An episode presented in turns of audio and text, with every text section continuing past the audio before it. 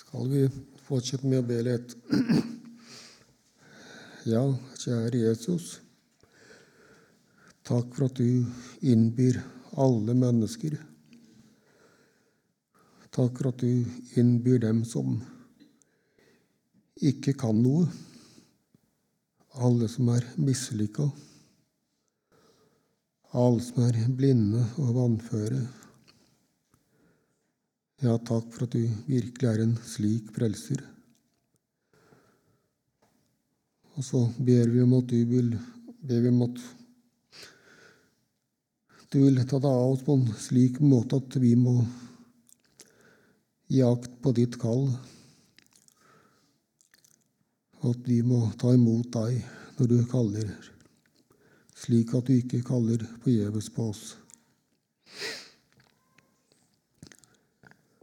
Ja, takk for at du er den gode hyrde må du lede oss helt fram til himmelen.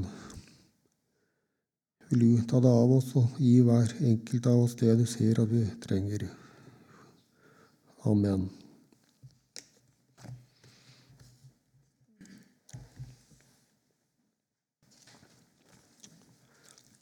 Ja, vi skal lese fra Lukas 17.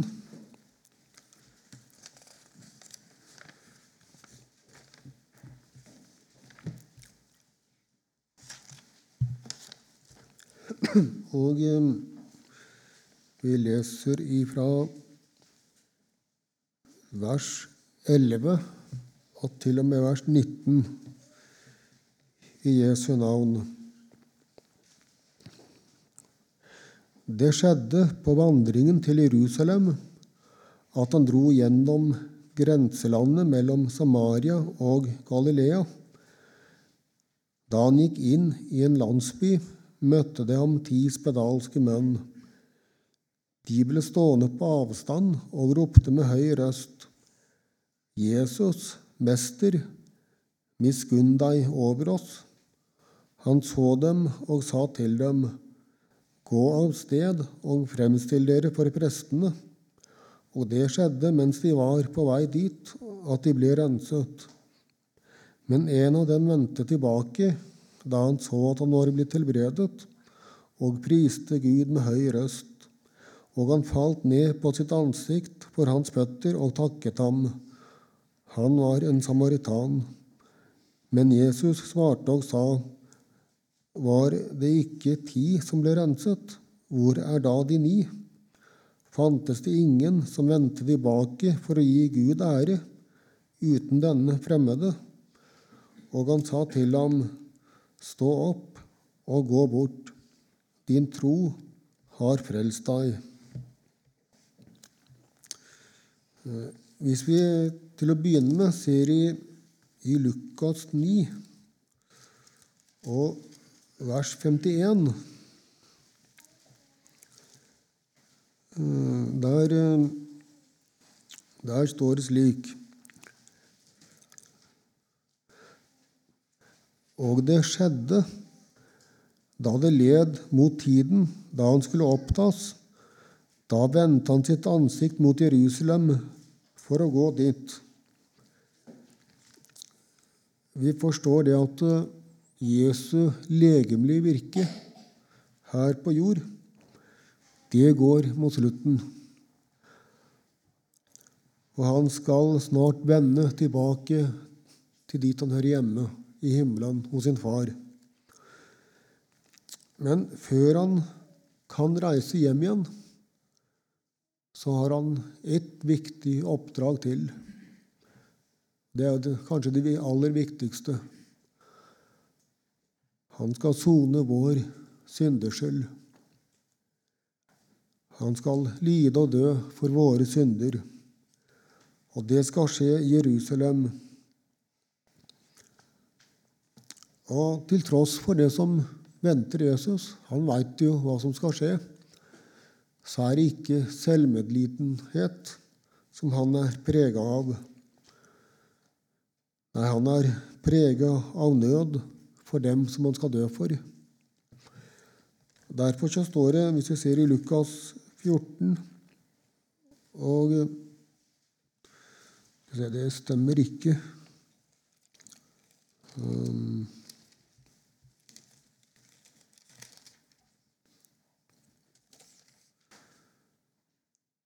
ja, det er Lukas 13 og vers 22.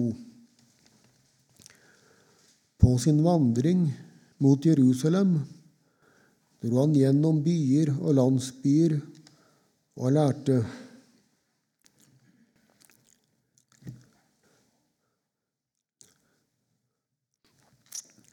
Han var, det han var opptatt av, det var at de måtte få høre.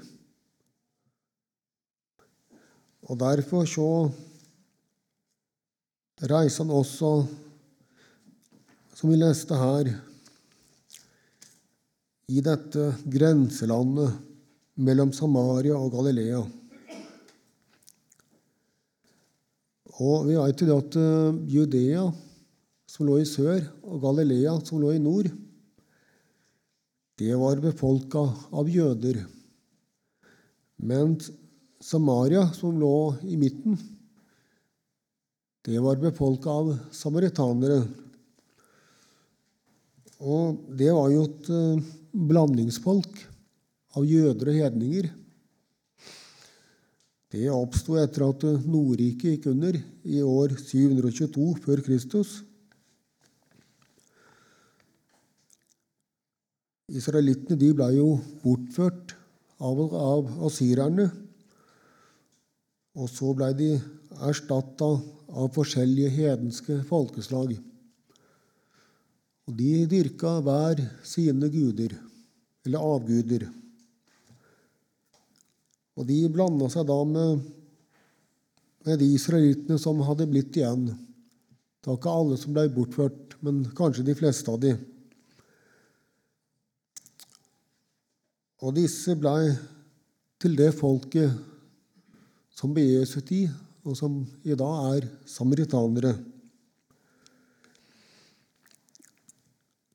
Og på Jesu tid da hadde de slutta med å dyrke andre guder. Og de trodde Moseloven. Men de var allikevel jødenes fiender. Og ordet samaritan det ble jo brukt som skjellsord. Jesus fikk jo bl.a. høre det. Men så var det allikevel, selv om de ikke var ekte jøder, så ble de heller ikke regna for å være egentlig hedninger heller. De var på en måte et sted midt imellom. Så vi kan si det at Jesus han vandra i et slags grenseland mellom de som var ekte jøder, og de som var samaritanere. Og egentlig så er det slik i dag også. Jesus taler gjennom sitt ord både til de som er de som lever med Gud, de som er levende kristne, og han taler til de som ikke lever helt med ham, de som er i et slags grenseland. Og det gjør han fordi han vil frelse. Det var eh, ja, Vi sang jo også det her at eh, Nei, vi sang det ikke, men jeg tenkte på det. En sang som begynner slik Jesus vil ha alle. Det er ingen grupper Jesus ikke vil ha i tale. Nei, han vil ha alle. Men det som er det alvorlige, det er at du og jeg, vi vet ikke når kallet lyder for siste gang. Og Derfor så gjelder det å søke ham, som det står, mens han er å finne. og å kalle på ham den stund han er nær. Og her i teksten så leste vi om noen som, som gjorde det. Noen som benytta muligheten mens han var, å finne, den stund han var nær. Kanskje er dette den eneste gangen Jesus går inn i denne landsbyen. Kanskje er det siste, eller første og siste mulighet de har.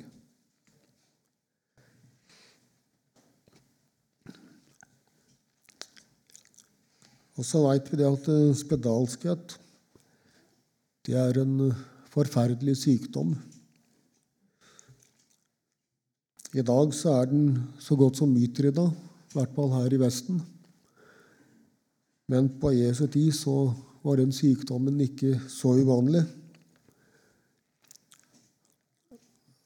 Og det, det er jo sånn med all sykdom at den begynner gjerne i det små, og så utvikler det seg, og så blir det verre og verre. Og det var en ja, sykdom som tæra både på kroppen, og den tæra psykisk. Og de kunne bli blinde. Og det endte ofte med at de døde. Så vi kan vel si det slik at de, disse spedalske de var bokstavelig talt, talt, i dødens venterom. De venta på å dø. Og i tillegg til, til at de hadde det vondt sånn rent fysisk, så var de jo utstøtt fra samfunnet. De var urene. De kunne ikke komme til synagogen eller til tempelet. De var utestengt fra samfunnet både med Gud og med mennesker. De måtte holde seg selv, holde seg for seg selv, langt borte fra alle andre.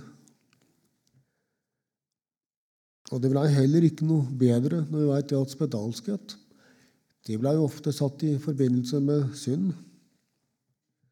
Og Det har vi også eksempler på i Bibelen. Vi veit at eh, Miriam hun ble jo spedalsk etter at hun hadde talt ille om sin bror Moses. Og vi husker at Gehazi han ble jo også spedalsk etter at han i hemmelighet hadde tatt imot gaver fra Naman. Han hadde jo blitt uh, helbreda fra sin spedalskhet. Og kong Usia han hadde gått inn i tempelet og ofra det som bare prestene skulle gjøre. Han blei også spedalsk. Og nå veit vi ikke hvordan det var med disse ti som vi leste om her, hvordan de ble spedalske. Men én ting er, det er helt tydelig, og det er at de har hørt om Jesus. De har hørt om det som han har gjort. Og så har de fatta et håp Og så står de på lang avstand, for det må de jo gjøre. Og så roper de på Jesus. Jesus, Mester, miskunn deg over oss.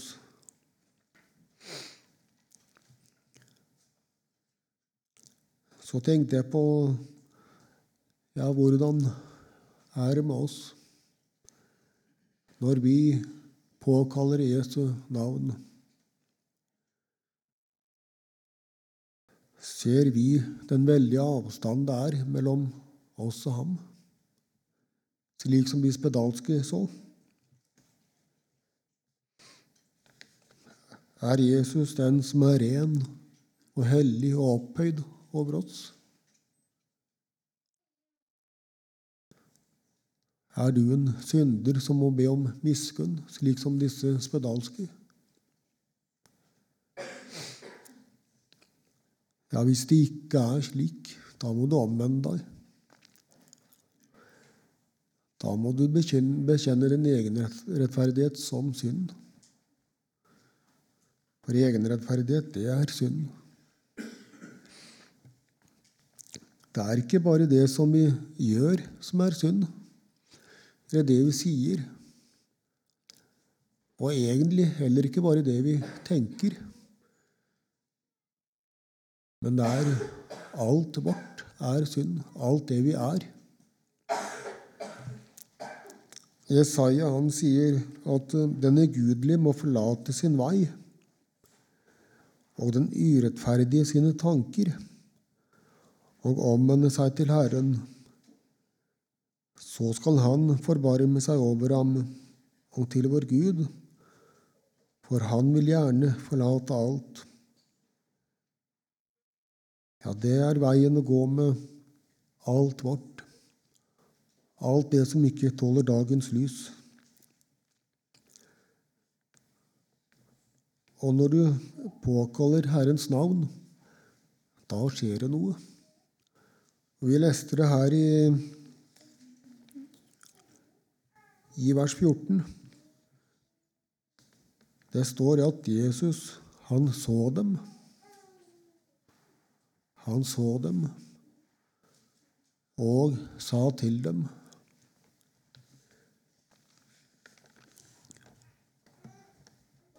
Jesus, han så dem. Han så deres nød. Og det stopper ikke med at han ser. Nei, han handler. Vi leste at han sa noe. Og det er en ting som er spesielt med Jesus det er at han vet alltid hva han skal gjøre. Han er aldri rådløs. Når du kommer til ham, så veit han alltid hva han skal gjøre. Han vet alltid hva som er til ditt beste. Han vet hva du trenger.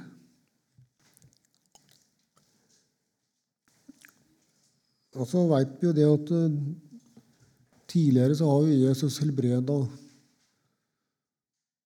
spedalske i et nu. Han har sagt 'bli ren', og så blei vedkommende ren.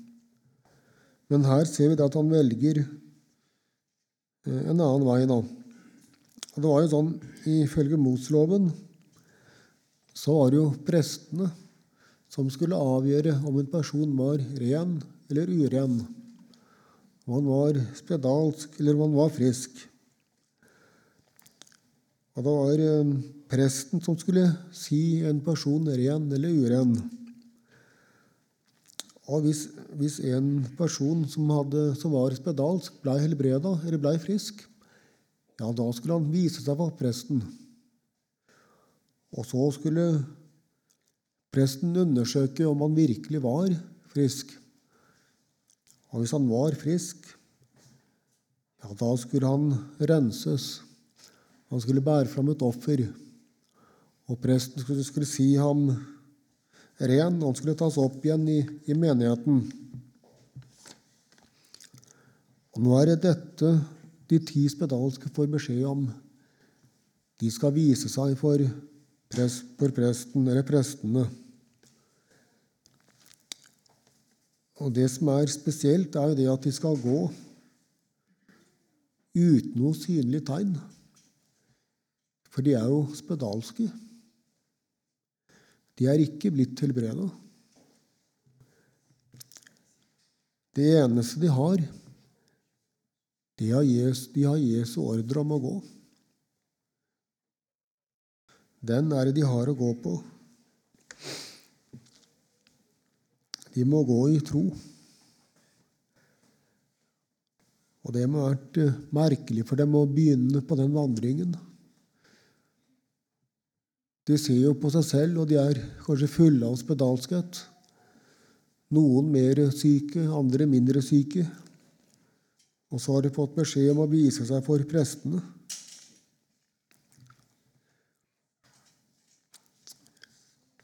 Men på veien bort, så skjer underet.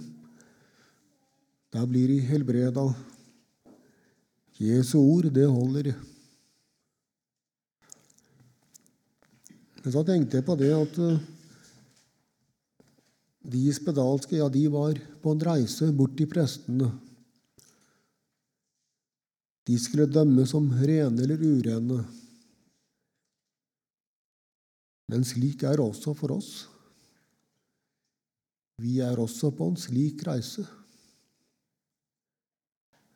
Vi skal snart frem for, for den himmelske domstol. Og der er det også bare to muligheter. Enten så er vi rene, syndfrie, hellige og ulastelige. Eller så er vi urene. Da kommer vi ikke inn i himmelen.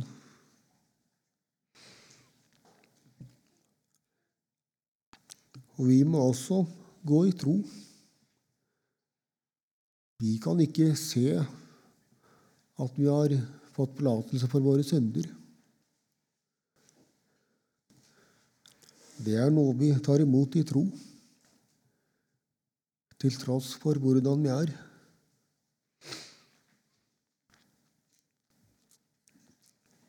Og vi vil ha, vi vil ha vår onde natur med oss så lenge vi lever.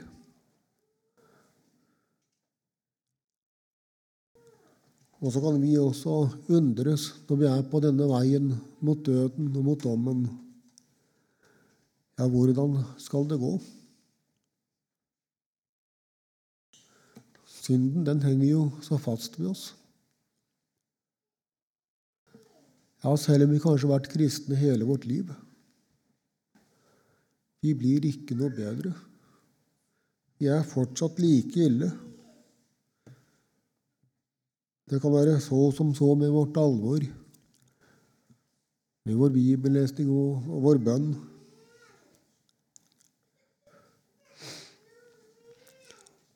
Ja, vi må gjøre som tolleren i tempelet. Vi må gå med bøyd hode. Vi har ingenting å rose oss av. Ingenting å klynge oss til. Ikke et eneste halmstrå.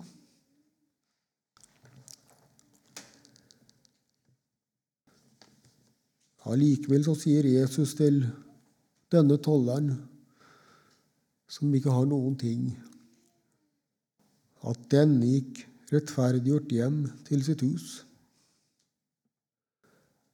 Ja, hvordan kunne det være mulig? Han hadde ingenting.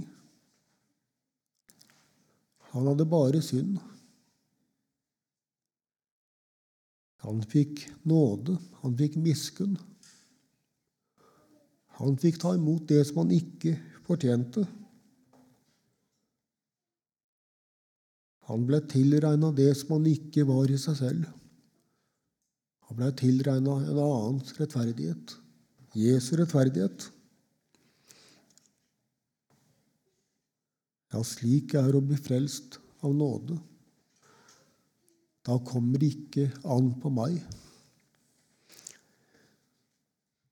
Da kommer han på Han som elsker oss og løste oss ifra våre synder med sitt blod. Da er det Han det kommer an på. Holder det som Han har gjort.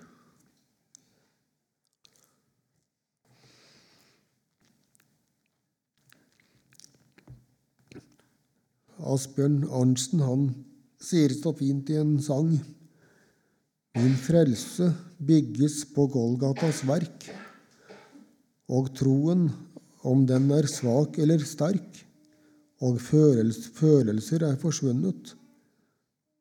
På Jesus troen er grunnet. Det er jo det som er kristendom. Det er Jesus. Omvendelse, det er ikke at du får det til. Nei, det er ikke kristendom. Det er lovtrelldom og egenrettferdighet. Da tror du egentlig på deg selv. Religion, det er menneskenes måte å prøve å klatre opp til Gud. Kristendom, det er det motsatte det er at Gud stiger ned til oss i sin sønn og frelser oss med sin stedfortredergjerning. Ja, hva er egentlig omvendelse da? Jo, da må det være å vende om fra seg selv, fra sine egne tanker om det å bli frelst. Det er å vende om fra alt mitt eget. For det det var jo det Jesus tok med opp på korset. Det var alt mitt han tok. Det tok han opp på forbannelsens tre. Han blei en forbannelse i mitt sted. Samtidig så er han mitt og ditt liv. Min og din rettferdighet. Min og din renhet. Min og din hellighet. Han er alt det som vi mangler. Alt det som vi skulle vært, men som ikke er, det er han. Ja, i ham så har vi alt vi trenger for å bli bedømt som rene for Guds domstol. Derfor så er det Jesus som må være vår tilflukt på den vandringen som vi har gjennom livet. Ikke våre, og ikke våre følelser og ikke vårt strev. Og så leste vi i teksten her at det var en av de ti spedalske som vendte tilbake til Jesus da han så at han var blitt helbreda. Og det står at han var en samaritan. Han var en av Guds folks fiender. Hvis det var en som ikke fortjente å bli helbredet, så var det han. Nettopp derfor hadde han desto større grunn til å takke. Han ble helbredet til tross for at han var en fiende. Han visste og han forsto at Jesus han hadde gjort nøyaktig det han hadde bedt ham om. Han hadde bedt om miskunn, om det han ikke fortjente. Og så var det det han hadde fått. Men Jesus svarte og sa, var det ikke ti som ble renset? Hvor er da de ni? fantes det ingen som vendte tilbake for å gi Gud ære, uten denne fremmede.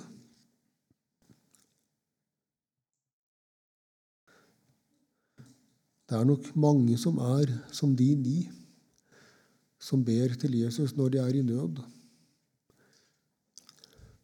Når de har det vondt og har problemer. Når de har problemer med, med livet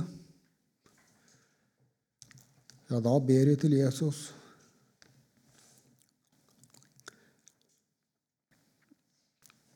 Men så får de hjelp. Eller så går faren over. Og da trenger ikke Jesus lenger. Da klarer de seg selv.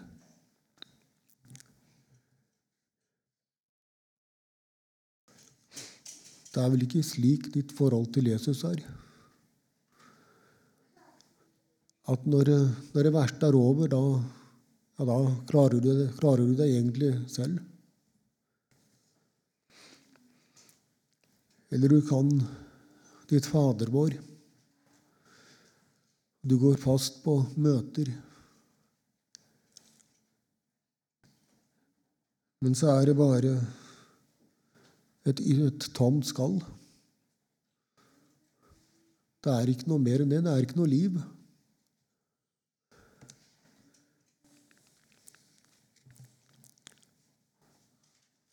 Og så lever vi i en tid som egentlig på mange måter er skapt for religiøsitet. Ikke på kristendom, men for, religiøsitet. Synden den er ikke så farlig lenger. Og det kan jo diskuteres hva som er synd. Og hvis eh, den ene mener det, og den andre mener noe annet, ja, da er det jo ikke så farlig.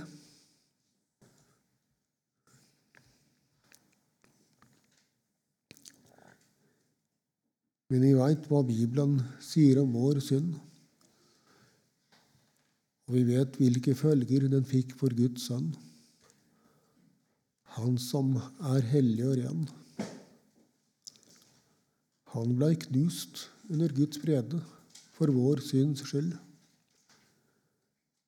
Slik ser Gud på vår synd. For Jesus var i ingen nåde, ingen barmhjertighet.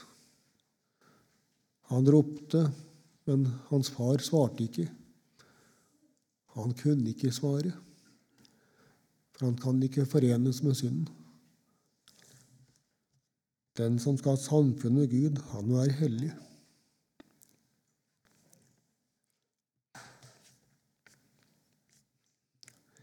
Derfor så måtte Gud sende sin egen sønn og ofre ham i vårt sted. Og vi er ikke i stand til å forstå noe av dette her. Det er vi ikke. Men desto større grunn har vi til å gi ham takk og ære. Ikke minst når vi ser hvor lite vi fortjener at han tar seg av oss.